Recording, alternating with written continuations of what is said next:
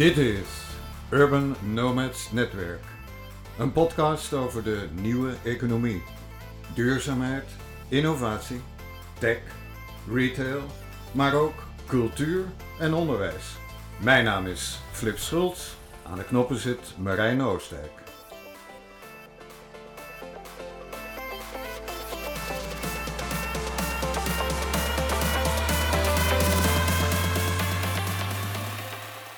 Welkom in de 25e editie van Urban Nomads Netwerk. Ilse van Dijk, directeur artistiek leider van De Caravaan. En Nico Bink, producent. Klopt. En deze bijzondere gasten hebben ook een bijzonder verhaal. Ehm, want voor deze zomer, lente, stonden allerlei voorstellingen gepland met 150 kunstenaars. Allerlei mensen die achter de schermen werkten. En zeker 300 voorstellingen.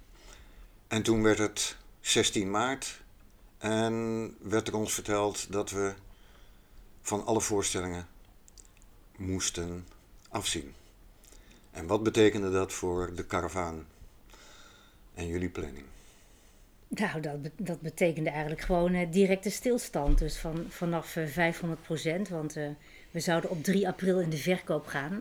Dus dan kun je je voorstellen dat je op 16 maart, dan ben je wel zo ongeveer klaar. Ben je de laatste dingetjes aan het doen.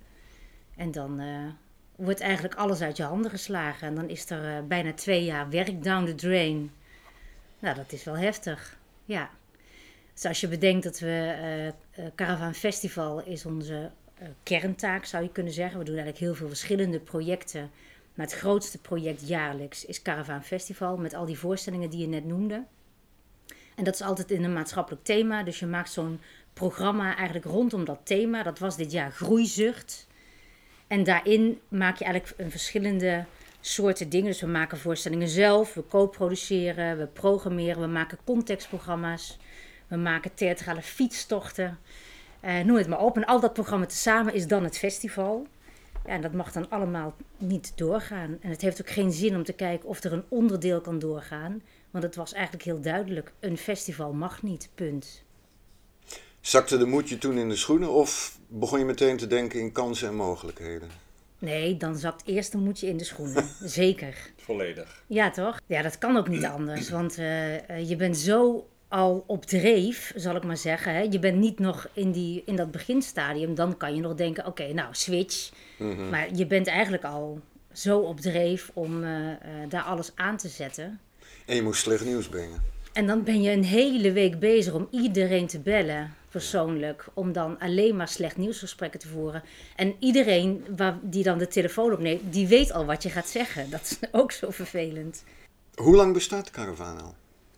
Nou, in naam bestaat het eh, ruim 25 jaar, maar zoals het nu is, en dat we eigenlijk geworteld zijn in Alkmaar sinds 2016. Dus we zijn een hele jonge organisatie. En ze, je zegt zoals het nu is, dan bedoel je de opzet met fiets. Nou, vanuit het, vanuit het thema, vanuit dat we niet alleen een festival doen, maar ook talentontwikkelingsprojecten, eh, projecten in de stad, projecten op het platteland. Dat is pas sinds 2016, want dat is ook de, ehm, het jaar waarin Caravaan werd verzelfstandigd. En voorheen was het onderdeel van een grote uitvoeringsorganisatie, die eh, beheerd werd, zou je kunnen zeggen, door de provincie. En die provincie heeft toen bedacht dat ze niets meer gingen doen aan kunst en cultuur. En dat eh, leverde natuurlijk eh, pijnlijk van alles op hè, in deze provincie. Namelijk, niemand kreeg meer geld. Maar het leverde ook artistieke vrijheid op. En daaruit is eigenlijk Caravaan ontstaan. Buitengewoon theater op locatie. Kernactiviteit, het jaarlijkse karavaanfestival in de regio Groot-Alkmaar. Maar jullie doen ook eh, sinds 2017 iets in Haarlem en omstreken. Haarlemmermeer. Haarlemmermeer. Ja, ja, dat is een groot verschil hè. De polder, ja, zeker. Polder. En we doen natuurlijk locatietheater, dus wij zijn heel erg op landschap gericht. En op veranderingen in het landschap, op transities, die daardoor eigenlijk weer mensen beïnvloeden. Dus hè, dat landschap om je heen, dat beïnvloedt eigenlijk ook hoe je bent. Of hoe je kijkt als mens naar je eigen omgeving, maar ook naar dat wat er gebeurt. En dat heeft ook heel veel invloed op allerlei maatschappelijke dingen. waar je ook weer wat van moet vinden als mens. Of je kunt het proberen te negeren, maar dan vind je er stiekem toch wat van. Het is net zoals architectuur werkt. Hè? Ja, Elke architect weet dat datgene wat hij bouwt heeft invloed op de manier waarop mensen zich gedragen. erin Ja. gedragen, bewegen. Ja. Hoe lang zijn jullie erbij betrokken, Nico? Eh, Ik ben eh, eh, ooit ingesprongen in 2009 en jij in 2012 of zo? Ja, ik 2012.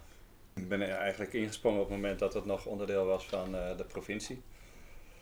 En het in de zomervakantie werd eh, gehouden. En ik eh, naast mijn werk als eh, ja, theatermaker, ik werkte bij allerlei gezelschappen, ook op de theaterschool in Amsterdam gewerkt, deed ik dat ernaast omdat ik het eh, van belang vond om eh, ook nog dit soort dingen te kunnen doen. je had natuurlijk ook een andere regio kunnen kiezen hè, dan Alkmaar. Theoretisch wel, ja. Maar ehm, het is eigenlijk super logisch om voor Alkmaar te kiezen. We wilden heel graag in Noord-Holland werken, in, met name in de kop. Eigenlijk als je kijkt naar hoe het culturele landschap eruit ziet in Nederland... dan is er boven het Noordzeekanaal, of boven de metropoolregio Amsterdam, beter gezegd... is er eigenlijk helemaal geen professionele kunst en cultuur meer. Nog die losse schouwburg daar laten die natuurlijk wel iets programmeren. Maar het producerende, dat is er helemaal niet meer. Dat heeft natuurlijk te maken met de ontwikkeling daarvan. Maar dat is dan wel van belang. Dat hier wonen 700.000 mensen. Die dus eigenlijk daar helemaal geen toegang hebben tot kunst en cultuur. Die hier gemaakt wordt. Die hier ook in het landschap belangrijk is. Dus het is een noodzaak, vinden wij, dat die mensen dat wel krijgen. Dus daaruit, dan kijk je al van, dat is je gebied, hè, dat is je speelgebied. Dat is ook het oorspronkelijke speelgebied van Caravaan. En dan wil je wortelen, en dat is wat we heel graag wilden. Want voorheen was het een reizend festival. En we wilden heel graag van grotere betekenis zijn. Dus omdat we juist die maatschappelijke context wilden inbouwen. En dan kijk je naar wat is er hier het belangrijkste in die hele grote regio. En dan is eh, de regio Alkmaar echt een speeltuin. En dat komt omdat hier alle landschappen, alle verschillende landschappen, in een straal van 20 kilometer zitten. Dus je hebt een historische binnenstad, je hebt de duinen, je hebt het strand, je hebt de bossen in Heilo, je hebt de polder aan de oostkant, je hebt industrie. Ja, dat is natuurlijk gewoon een speeltuin. En dat is dus de reden dat we hier zijn beland. Hoe heb je het zien groeien? Nou, niet, want het is eerst natuurlijk vooral afgebroken. Hè? 2009 tot en met 2015. In 2009 was er echt nog ehm, veel geld vanuit fondsen, vanuit provincie met name. De provincie Noord-Holland droeg daar echt veel aan bij. Maar die hadden dan ook heel veel kaders. En binnen die kaders eh, moest je dan werken. Eh, en natuurlijk had je daar enige artistieke vrijheid. Maar dat was wel directief, zou je kunnen zeggen.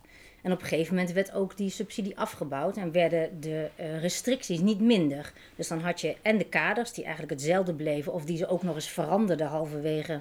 En er werd ook nog eens het geld afgebouwd. Dus elk jaar eh, heb ik gezegd: ik doe het niet meer. Ik heb er geen zin meer in. En elk, dat was elk jaar. En elk jaar werd het dan toch weer. Ja, weet dan toch nog een jaar doen? Nou, oké, oké, dan doen we het toch nog een jaar. Maar dat werd er dus niet leuker op. Dus eh, wat dat betreft ging het Die- ja, die naar kaders- beneden juist. Die kaders gingen met over de plekken waar het moest 2015. plaatsvinden, de periode waar het in moest plaatsvinden en de manier waarop het artistieke eh, elan eh, eruit moest zien. Dat ging echt tot aan restricties op de manier waarop affiches werden gemaakt. Voor, eh, Ook nog. juist. Ja. ja hoor, dat was echt best wel directief. Ja. Dus in die zin, eh, dat is dus niet per se gegroeid. Hè. Natuurlijk wel lang geleden wel, hè, want Caravan is natuurlijk in 1993 eh, opgericht. En toen is er natuurlijk een enorme groei geweest, zeker. Ik bedoel, eh, eh, absoluut. Maar eh, vanaf dat ik daar ben, zal ik maar zeggen, 2009, toen hebben we echt nog een aantal leuke jaren gehad. Waarin we eh, ook, ook veel dingen hebben kunnen doen. Eh, ook in producerende zin overigens. Maar toen die provincie eigenlijk al in het hoofd besloten had dat er steeds minder naar kunst en cultuur ging. En dat ze op een gegeven moment ook besloten hebben dat ze helemaal niks meer gingen doen en het ook gingen afbouwen. En de restricties bleven, nou, dan kan je natuurlijk niet meer spreken van groei. Dan, dan spreek je eigenlijk al van een soort van afbraak. En datgene wat we heel graag willen, dus die ontwikkeling van projecten die hier, eh, hier een wortel hebben, eh, was toen een van de onderdelen van Caravaan, het Caravaan Lab. Waar, dus echt onderzoek gedaan kon worden naar eh, wat voor eh, podiumkunsten, activiteiten kan je op deze plek ontplooien, zodat het een verbinding heeft met het landschap of met de stad. En dat is in eerste instantie door de provincie helemaal geschrapt. Met het gevolg dat je alleen nog maar de rol had om uh, nou, straattheater voorstellingen te laten plaatsvinden. En dat was een locatietheater dan wel.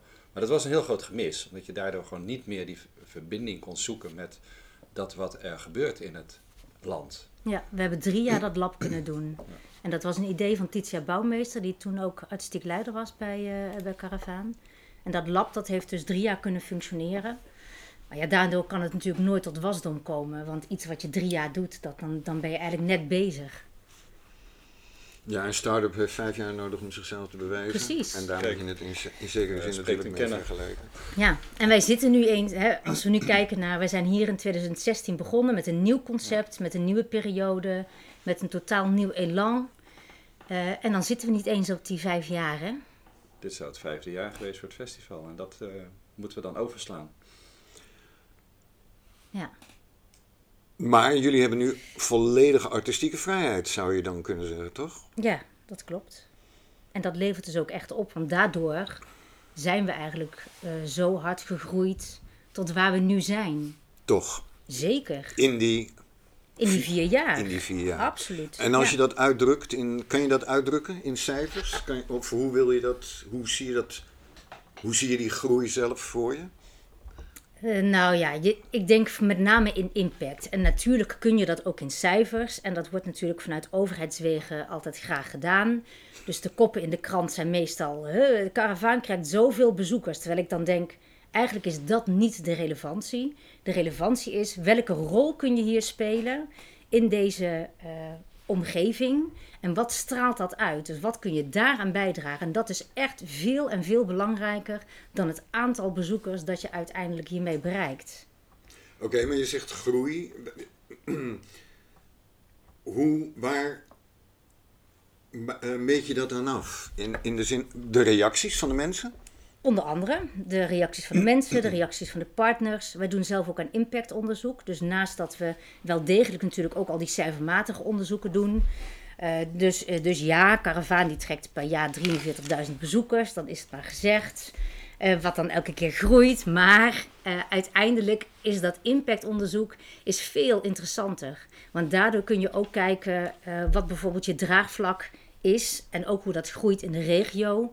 Waar je van belang kan zijn. Dus bijvoorbeeld, wij doen heel veel projecten op het platteland, in boerengemeenschappen. Dat vinden we heel belangrijk, want uh, Alkmaar bestaat eigenlijk niet zonder de context van die hele uh, regio die daar omheen ligt. En dat is super interessant werken, want daar gebeurt het ook. Dat, hele, dat hele voedsel produceren, dat, is natuurlijk, dat zie je nu eigenlijk pas in die coronacrisis. Daarvoor hadden we al de boerenprotesten. Nou, dat is allemaal voedsel voor hoe je in de maatschappij omgaat met dingen. En dat willen wij natuurlijk heel graag verbeelden. Dus om dat daar op die plekken te doen, en dat we daar boeren en burgers letterlijk bij elkaar brengen. En dat, dat, dat krijgen we dus ook voor elkaar. Hè? Want uh, in zo'n voorstelling of in zo'n contextprogramma zitten boeren en burgers ongeveer 50-50. Zit dat bij elkaar en daar ontstaan echt fantastische gesprekken. Ja, ik kan me een bezoek herinneren aan een voorstelling in Egmond Binnen of Egmond aan de Hoef uh, vorig jaar. Ja. Uh, waarin die boer dan zelf vertelde hoe het stond met zijn bedrijf en zijn opvolging. En dat was ook min of meer het thema van die voorstelling. Hè? De opvolging en wat dat betekent. En dat is in zekere zin heel actueel, want een heleboel boeren in Nederland, eh, in de hele wereld denk ik, eh, kampen met dat opvolgingsprobleem. Dat klopt, ja. ja. Ja, en dat is ook exact de manier waarop wij willen uh, programmeren. Wij willen voorstellingen uh, daar plaatsen waar het erover gaat. Dus niet zomaar ergens op een plek die mooi is of die interessant is. Maar uh, een plek waar het, ook, waar het, waar het onderwerp ook uh, aansnijdt.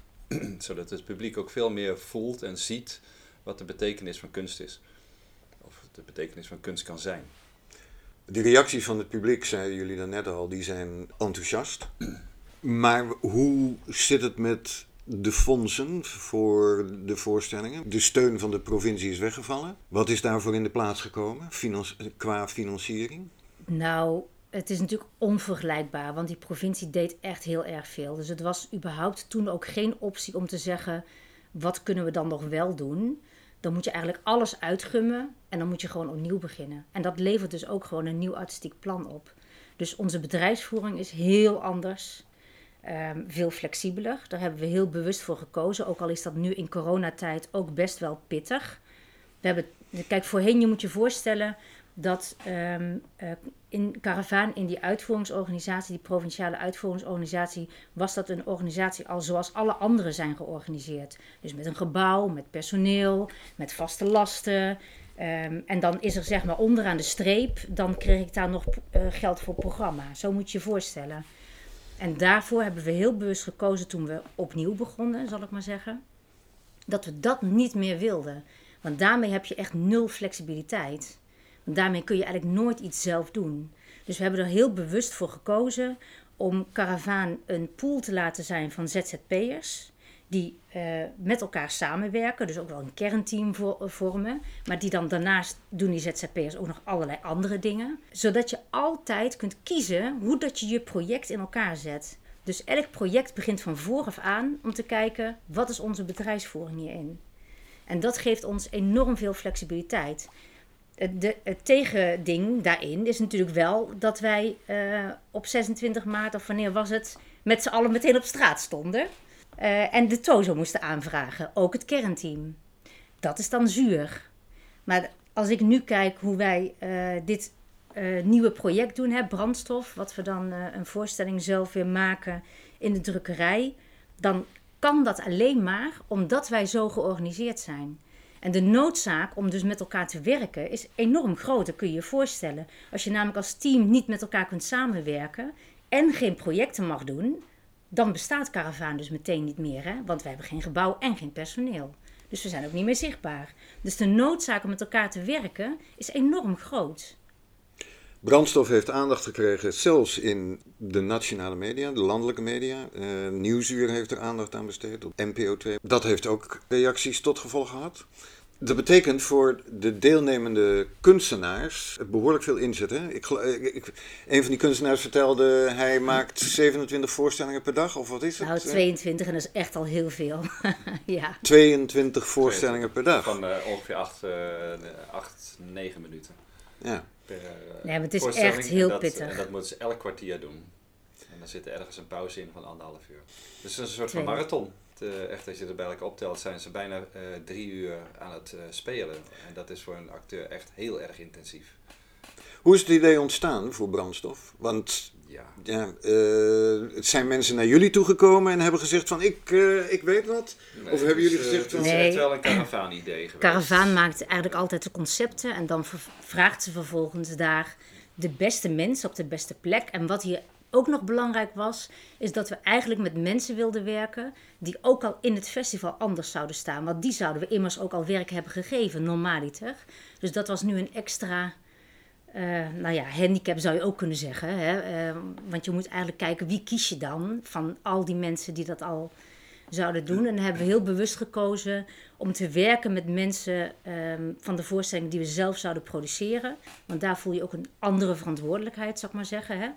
Als je een gezelschap inhuurt, dan kun je zeggen, theoretisch gezien, dat dat gezelschap verantwoordelijk is voor de mensen waarmee zij werkt. Hè? De kunstenaars die daaraan meewerken.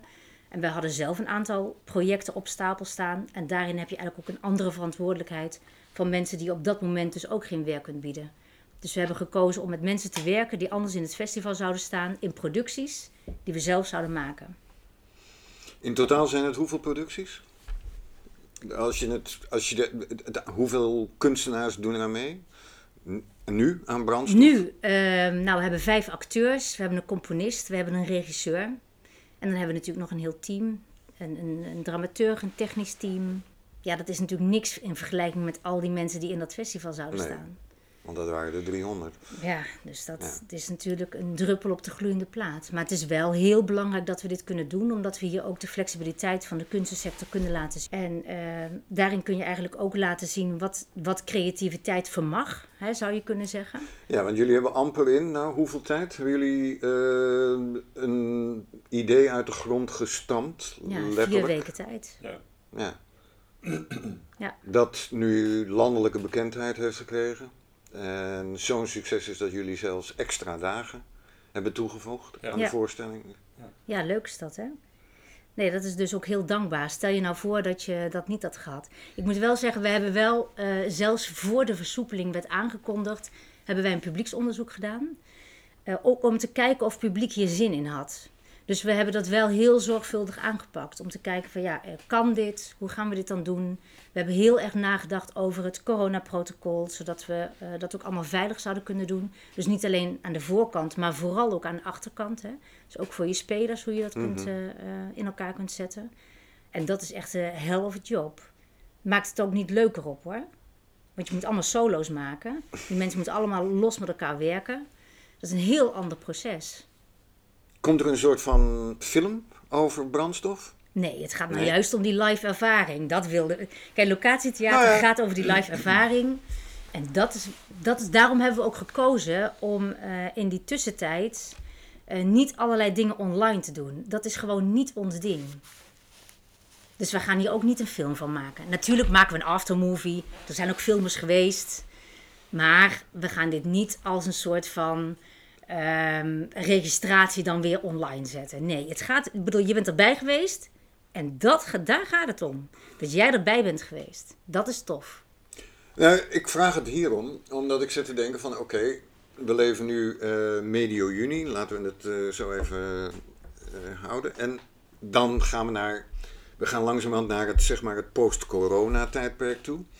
Hoop een, heleboel ik, ja, van die, dat hoop ik. een heleboel van die maatregelen gelden nu nog, maar ik kan me voorstellen dat mensen, jullie willen door blijven gaan met karavaan, Zeker. Zeker. buitenlocaties. Ik kan me voorstellen dat mensen zeggen van ja, ik wil ook naar zo'n voorstelling, maar ik kon helaas niet naar brandstof. Nee. Nee. Dan gaan we weer. Wij gaan, we hebben ook nog wel nieuwe plannen hoor. Dus eh, dan ga je naar het volgende. Ja. Ik denk en ook gewoon dat het een heel goed, heel goed iets is. Dat, dat je, je wil bij die live ervaring zijn. En dat is ook een soort van een exclusiviteit als je daarbij kunt zijn. Hè, ja, dan moet je op tijd zijn. Ik vind het niet zo erg als ik bedenk eh, aan waar we voor hebben moeten knokken. Hè, eh, om publiek op te bouwen. Je moet je echt voorstellen, dat, dat hebben we echt met, met zweet en bloed, zweet en tranen eh, is dat ook opgebouwd. Dus dat we nu al in vier jaar tijd kunnen zeggen... nou, als je naar Caravaan wil, dan moet je er vroeg bij zijn... vind ik niet zo heel erg. En Ja. daarnaast hoop je natuurlijk dat een goed voorbeeld eh, goed doet volgen. Het is natuurlijk gewoon een idee wat eh, uitgevoerd wordt eh, nu op deze manier. Ik kan me voorstellen dat door eh, alle coronamaatregelen er meer van dit soort ideeën eh, ontwikkeld moeten gaan worden. En ik eh, hoop toch echt dat de creatieve sector dat ook gaat doen. En ik eh, hoor ook van diverse, diverse kanten dat men daar mee bezig is. Ja, En, dat moet ook. Dat moet ook, want voor hetzelfde geld zitten we volgend jaar nog in hetzelfde schuitje en dan Of gebeurt helemaal niks, weet je wel. Terwijl ik denk van ja, ga, ga nou proberen te bedenken wat er wel kan. Ga fietsen, ga wandelen, ga op de dijk zitten, ga eh, dingen doen die, eh, die eh, ook in coronatijd eh, mogelijk zijn. Afgezien van de eh, besloten voorstellingen zou je bijna kunnen zeggen die, Nou, die dat er is nu niet zo, overal... hè. eh, Want uiteindelijk zijn dat denk ik best wel... zijn zeker nu die maatregelen versoepeld worden... zie je dat mensen het meteen weer het contact zoeken. Het directe contact met het publiek. nou ja. Want daar gaat het natuurlijk over in de podiumkunsten. Maar komen jullie uit? Ja, Eh, natuurlijk kom je niet uit. Zijn jullie dan, hoe staan jullie dan tegenover de steunmaatregelen die zijn aangekondigd? Die gaan natuurlijk helemaal nergens Voor over. ons helemaal niet eh, van, eh, van toepassing. Wat de bijstandsuitkeringen die we kunnen krijgen, en, eh, maar niet, niet eh, om onze bestaanszekerheid eh, boven tafel te houden. Er komt 300 miljoen beschikbaar. Kunnen jullie daar op de een Maar of die andere komt manier... niet bij ons terecht. Die komt niet bij jullie. Geen Nee. Nee, want alles gaat in die. de- er is voor gekozen ehm, door de minister om te kiezen voor de basisinfrastructuur. Mhm. Dus dat betekent eigenlijk dat alle grote instellingen, daar komt het geld terecht. Dat is natuurlijk aan de ene kant ook logisch, want je wil niet dat die omvallen. Het zou natuurlijk heel raar zijn dat straks een eh, Rijksmuseum moet sluiten omdat we dat niet goed geregeld hebben. Hè. Dat zou natuurlijk echt wonderlijk zijn. Dus zeker moeten die instellingen ehm, moet je overeind houden. Moet je zorgen dat die infrastructuur, zoals wij die in Nederland hebben, dat die blijft bestaan. Maar daarmee eh, heb je natuurlijk niet een culturele sector gered. Dat is natuurlijk niet zo. Dat zou echt heel raar zijn. En je kunt er ook niet van uitgaan dat die basisinfrastructuur ervoor kan zorgen dat er bijvoorbeeld heel erg veel mensen aan het werk blijven. Dat is ook niet zo. Maar een heel klein stukje van de sector bestaat uit die basisinfrastructuur. En de rest zit daar natuurlijk allemaal in op hele andere constructies onder. Maar wat betekent dat voor Caravaan? Eh, laten we twee scenario's, die zullen jullie zelf ook wel hebben uh, uitgedokterd, of tenminste over nagedacht. Er zijn natuurlijk twee scenario's. Er komt binnen afzienbare tijd, laten we zeggen over een jaar, een vaccin. En dan kan langzamerhand het leven weer een uh, normale gang tussen aanhalingstekens nemen. Of, dat is het pessimistische scenario, uh, we blijven voorlopig nog jaren in deze situatie waarin mensen allemaal anderhalve meter afstand moeten houden en er allerlei sanitaire en hygiënische maatregelen vereist zijn. Acteurs uh, elkaar niet kunnen benaderen, want uh, ja jongens, sorry, maar nou, ik denk eigenlijk dat uh, de wereld gaat hier gewoon anders over nadenken. En wij moeten daarin meebewegen. Dus het heeft geen enkele zin om te zeggen... Natuurlijk hebben wij als dan scenario's. Maar ik denk wel dat er... We weten te weinig nu van dat virus. Mm -hmm. dus we gaan steeds meer weten. Daarop gaat aangepast worden. en nu zie je eigenlijk gebeuren dat er aan alle sectoren vragen om maatwerk. En dat wordt eigenlijk niet geleverd. Of nauwelijks geleverd. Gewoonweg omdat een overheid daar nog niet aan toe is. Maar dat is natuurlijk wel wat er moet gebeuren. Er moet maatwerk geleverd worden. Dus de, bijvoorbeeld is er vanuit de brancheorganisatie is er gevraagd of dat acteurs een contactberoep mogen worden. En dan is nu dus de uitkomst dat dat niet mag, omdat het een ander soort relatie betreft, namelijk tussen twee professionals en niet tussen een, iemand die zeg maar een dienst verleent en een klant. Terwijl wat zou voorop zou moeten staan, is of dat je je besmettingsgevaar uitbreidt. En je kunt je voorstellen dat als je kapper bent en je hebt 20 klanten, dan is dat besmettingsgevaar en hoe je dat verspreidt natuurlijk veel groter dan twee dezelfde acteurs die gewoon drie maanden, drie weken met elkaar repeteren. Dus het gezond verstand moet gewoon weer gaan prevaleren. Je moet maatwerk gaan leveren. Je moet gaan kijken wat kan er dan wel. En natuurlijk moeten we kijken uh, hoe dat dan kan. Maar daar kunnen, denk ik, kan denk ik iedereen over nadenken. En die overheid moet uit het krampachtige komen. En die moet zeggen: wij gaan dat maatwerk leveren. En wij zorgen dat we als overheid de mensen uh, hebben die al dat maatwerk uh, kunnen controleren, tussen aanhalingstekens. Hè, dus kunnen verifiëren of dat goed gaat. Maar leg de verantwoordelijkheid dan ook bij degene die dat uit kunnen voeren. En locatietheater is bijvoorbeeld heel anders dan een mhm. schouwburg, die gewoon een vast gebouw heeft, wat vast is ingedeeld. Die moeten iets anders leveren dan wat wij moeten leveren. Wij zijn ons bewust van dat wij bij elk project dit moeten leveren, anders moeten leveren, daar helemaal opnieuw moeten over nadenken. In een schouwburg denk je er één keer over na. En dat is wat moet gebeuren. En dat ga je doen. Als we daar even op doorbreien. Wat gaan we doen? Wat gaat Caravaan doen de komende maanden? Nou, wij gaan uh, heel erg. Uh, we gaan overal tegenaan schoppen, denk ik. In die zin, ja, we willen gewoon dat maatwerk kunnen afdwingen. Uh, want dat is belangrijk, denk ik. Dus we willen dijkvoorstellingen gaan doen. we willen nog andere voorstellingen in het buitengebied doen. In het dorp Driehuizen staat een project op stapel. Ah, mooi. we gaan, Driehuizen. Ja, Driehuizen. we gaan in. Bij de vriendschap? Vlak bij de vriendschap, zeker. Maar het hele dorp staat eigenlijk centraal. Dus niet alleen de oh. vriendschap. Uh, we gaan nog een boerenvoorstelling maken. Die heet Kiem. Die gaat, uh, als alles goed gaat, in september uh, in première. we gaan een winterkaravaan doen. Zo'n talentontwikkelingsproject. Dat gaat in de winter. Ja, natuurlijk weten wij niet hoe dat precies gaat. Maar dat we dat gaan doen, dat is toch één ding wat zeker is. Stil blijven zitten is in ieder geval geen optie voor ons. En de winterkaravaan gaat dan plaatsvinden in? Ja. In december. ja, maar waar weten we nog niet. Nee. En als ik dan het woord drukkerij laat vallen? Dat kan, de drukkerij, maar het kan ook bijvoorbeeld op de Laat Oost. Daar zijn we ook mee bezig. Dat is ook hartstikke interessant. De Laat Oost. Uh, voor degenen die minder bekend zijn in Alkmaar. De, de Laat is een van de belangrijkste winkelstraten in Alkmaar. Waar de laatste jaren sprake is van toenemende leegstand. En jullie hebben op het oog.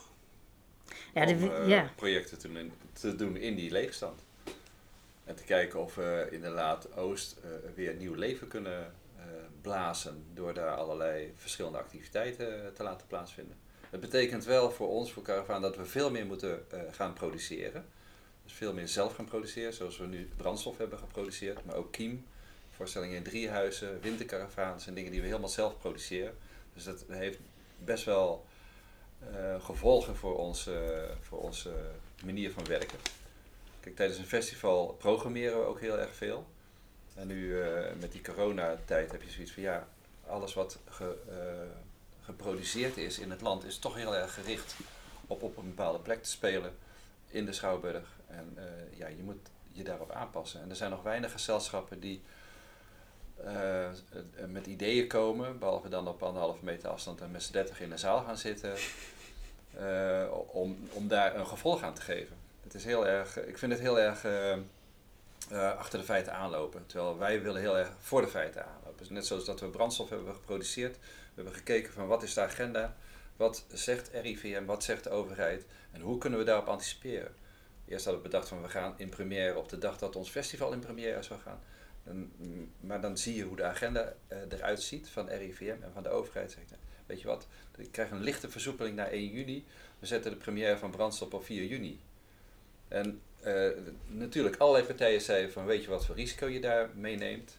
Uh, we hebben gezegd van ja, dat weten we, maar als we niks doen, dan gebeurt er niks. En dan bestaan we ook niet meer. En we willen dat er wat gebeurt, want anders bestaan we niet meer en is er gewoon helemaal niks meer te doen. Zo.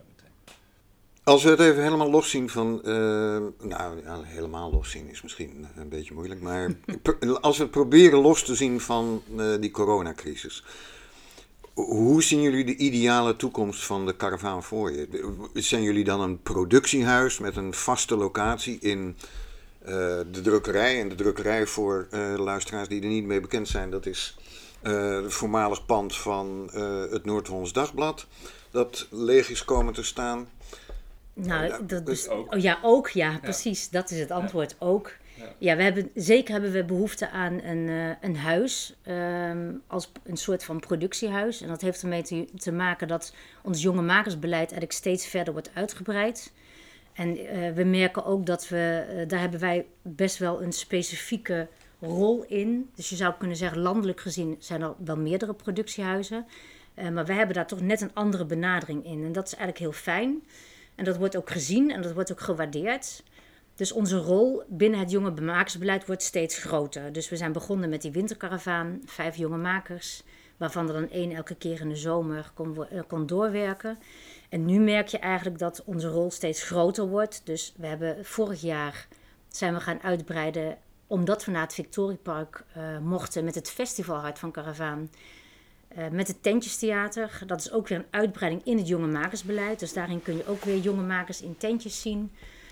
Uh, die winterkaravaan wordt uh, uitgebreid in die zin dat die, het hele concept gaat ook naar Diepenheim. Um, als het goed gaat, hè, binnen die corona. Diepenheim? Diepenheim, ja, dat ligt in het oosten van het land. En zij vonden dat zo'n tof concept dat ze gezegd hebben: joh, wil je dat niet ook hier doen? En we hebben bijvoorbeeld ook de uitnodiging van twee fondsen gehad. Waarbij ze zeiden, uh, werk, ga maar meer uitwerken. Dat, dat wat jullie in de winterkaravaan doen voor jonge makers, om dat ook in de zomerkaravaan te doen. Dus dat zijn we aan het, verder aan het uitwerken. Waardoor we jonge makers nog meer kunnen begeleiden in hun, eigenlijk hun eerste stappen naar, uh, ja, naar nog meer ervaring. Mag je namen noemen van fondsen? Ja, ja. Uh, denk het wel. Tenminste, nou, kijk, de, no, we, we, werken ook nog met twee opleidingen uh, samen. Dat wil ik toch nog even benoemen. Met de ja. Amsterdamse Hogeschool voor de Kunst. De MIM-opleiding doet elk jaar bij ons uh, met een van hun uh, klassen een, een project tijdens de zomerkaravaan. En de muziektheateropleiding Artes uit Arnhem doet één keer per jaar bij ons ook een locatieproject. Met de afstudeerders? Met de afstudeerders, dat is een afstudeervoorstelling.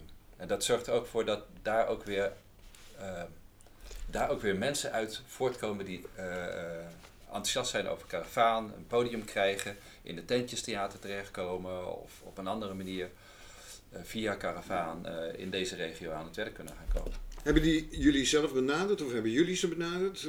Hoe moet ik dat zien? nou ja, eigenlijk, je bent in een continu gesprek met kunstenaars. Dat is eigenlijk wat ons werk is.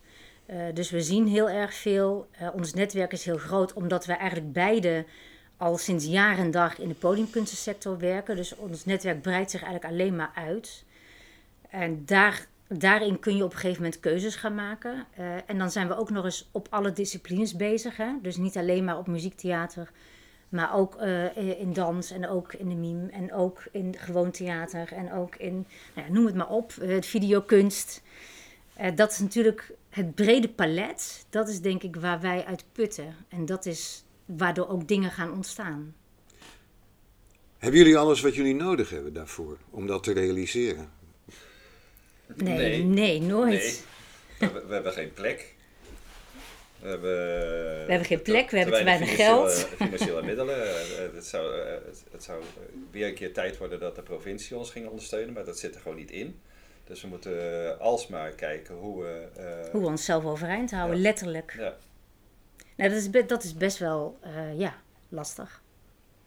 Als zo'n Raad voor de Cultuur, zoals vorige week bekend maakt, waar uh, het geld uh, de komende tijd naartoe gaat, uh, heeft dat dan voor jullie nog enige betekenis? Nee. Nee, dat, wij weten al ze met zekerheid dat dat niet bij ons terechtkomt. Nee, zo'n coronacrisis heeft veel meer betekenis voor ons, omdat we weten dat daarmee allerlei projecten wegvallen. Dus heel veel gezelschappen die bij ons zouden kunnen komen spelen, die kunnen dan niet meer spelen omdat ze omvallen. Ja, wat jij, wat jij eigenlijk bedoelt is, um, om, wij werken eigenlijk niet met die BIS-gezelschappen. Dus die basisinfrastructuurgezelschappen, die mhm. zie je eigenlijk bij ons niet terug. Dus wij werken veel meer binnen het circuit wat eigenlijk gelieerd is aan Fonds Podiumkunsten. En daarin gaan natuurlijk de klappen vallen. En er is nu ook een nieuw kunstenplan. Dat wordt op dit moment beoordeeld. 3 augustus is voor iedereen de datum waarop ze weten of dat ze geld hebben of geld krijgen voor de komende vier jaar. Het is voor ons trouwens hetzelfde. En daarin zie je eigenlijk uh, dus twee dingen. Dus je hebt die, die, um, dat nieuwe kunstenplan, waarin eigenlijk alles op losse schroeven staat of dat je wel of niet geld krijgt. En je hebt een coronacrisis, waardoor gezel, gezelschappen letterlijk kunnen omvallen. En dat is wat Nico bedoelt. Van die gezelschappen, die normaal ook met aanbod bij jou komen, daarvan weet je niet of ze nog gaan bestaan. En daarmee zet je eigenlijk wel dat hele circuit zet je op het spel. Dus ook binnen de festivals. Wat ontstaat er dadelijk nog? Wat is er nog? En dat is eigenlijk wel iets wat een minister vergeet. En als je dan kijkt naar ehm, het aanbod, hè, want jullie zijn het nu en jullie doen een vorm van uh, festivals maken en uh, produceren. En is er genoeg aanbod aan theatergezelschappen en kunstenaars? Nou, dat is dus de grote vraag, of dat dat straks nog het geval is. Maar wat, wat, heb, je, heb, je een, heb je al een idee? Heb je Nee, dat weten we nu nog niet. Nee. nee, want nu is het, het is ook een beetje van hoe lang duurt dit nog? He, dus als, dit, uh, als het nu klaar zou zijn, hmm dan uh, overleeft nog wel een groot gedeelte. Nog even los van wat er binnen het kunstenplan gaat gebeuren, waarin er een enorme overvraging is van het budget. Dus daar, gaat, daar gaan echt klappen vallen. Uh, wat heel vervelend is voor deze sector. Maar stel je eens voor dat je als jonge maker nu afgestudeerd bent. Wat is dan je toekomstperspectief? Dat is echt een rare wereld. Heb je het idee dat er voldoende over nagedacht wordt in de relevante kringen? fonds. Uh... Ja, ik denk dat er wel heel veel over nagedacht en ook wel goed over nagedacht wordt. Alleen, ja, we, blijven zitten met een, met een ministerie die daar uh, ja, nogal, uh, nogal kortzichtig in, uh, in is. We horen van allerlei kanten, Kunst 92, allerlei kanten dat er echt heel goed over nagedacht is. En heel goed over nagedacht wordt, ook heel, heel, heel heftig gelobbyd wordt. Maar dat verhaal waar we het er net over hadden, dat gezelschappen om kunnen vallen. Kijk, je kan je voorstellen dat als je een half jaar niet kan spelen, dus je ook, ook niet weet wat je met je acteurs aan moet. Heel veel acteurs zijn ZZP'ers.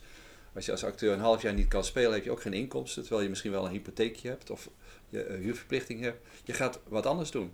Je raakt het, je raakt het, uh, je raakt het werkveld kwijt. Weet je? Dat wordt gewoon, als dat niet ondersteund wordt, gaat, gaan daar echt hele rare dingen in gebeuren. En daar zijn wij heel erg bang voor. Daar is de sector ook heel erg bang voor. En het lijkt wel alsof het ministerie dat niet ziet of niet wil zien. Soms roep ik ook van ja, deze coronacrisis is een geweldige manier voor het ministerie om weer eens flinke bezuinigingen de bezem te halen door. Uh... Nou, het gebeurt vanzelf. Ze hoeven er niks voor te doen, het gebeurt gewoon vanzelf. Als ze zelf niet bewegen, dan gebeurt het vanzelf. Betekent dat niet dat de hele kunstensector eigenlijk de koppen bij elkaar moet steken en moet zeggen van jongens, we moeten komen met een soort van actieplan? Nou, dat wordt ook wel gedaan. Hè? Je hebt eh, dat cultuur in actie, heb je misschien gezien. Ja? Ja. Nou, daarin zie je ook wel dat er steeds meer solidariteit is. Het is nu ook bijvoorbeeld bijzonder om te zien dat er meer solidariteit is tussen het commerciële circuit en het gesubsidieerde circuit. Hè, daarin zie je ook van uiteindelijk hebben we elkaar als sector natuurlijk ontzettend hard nodig. Dus het gebeurt wel, alleen eh, ja. Eh, Kijk, we zijn niet de KLM. En blijkbaar eh, is dat, eh, als je niet de KLM bent of de NS, dan zijn er andere regels. En dan is het maar wachten Ja. tot op een gegeven moment doordringt tot ehm, zeg maar de autoriteiten. Dat, ja, ehm, hoe schreef Claudia de Breij dat afgelopen weekend in de krant? Als er. Ik ben een vliegtuig, ja. Ja, Ja, ik ben een vliegtuig. nou exact. Dus kijken waar we naartoe gaan vliegen eh, in de komende maanden. Ehm, mag ik jullie hartelijk danken voor je aanwezigheid in Urban Nomads Netwerk. Ilse van Dijk, Nico Bink. Graag gedaan. Graag gedaan.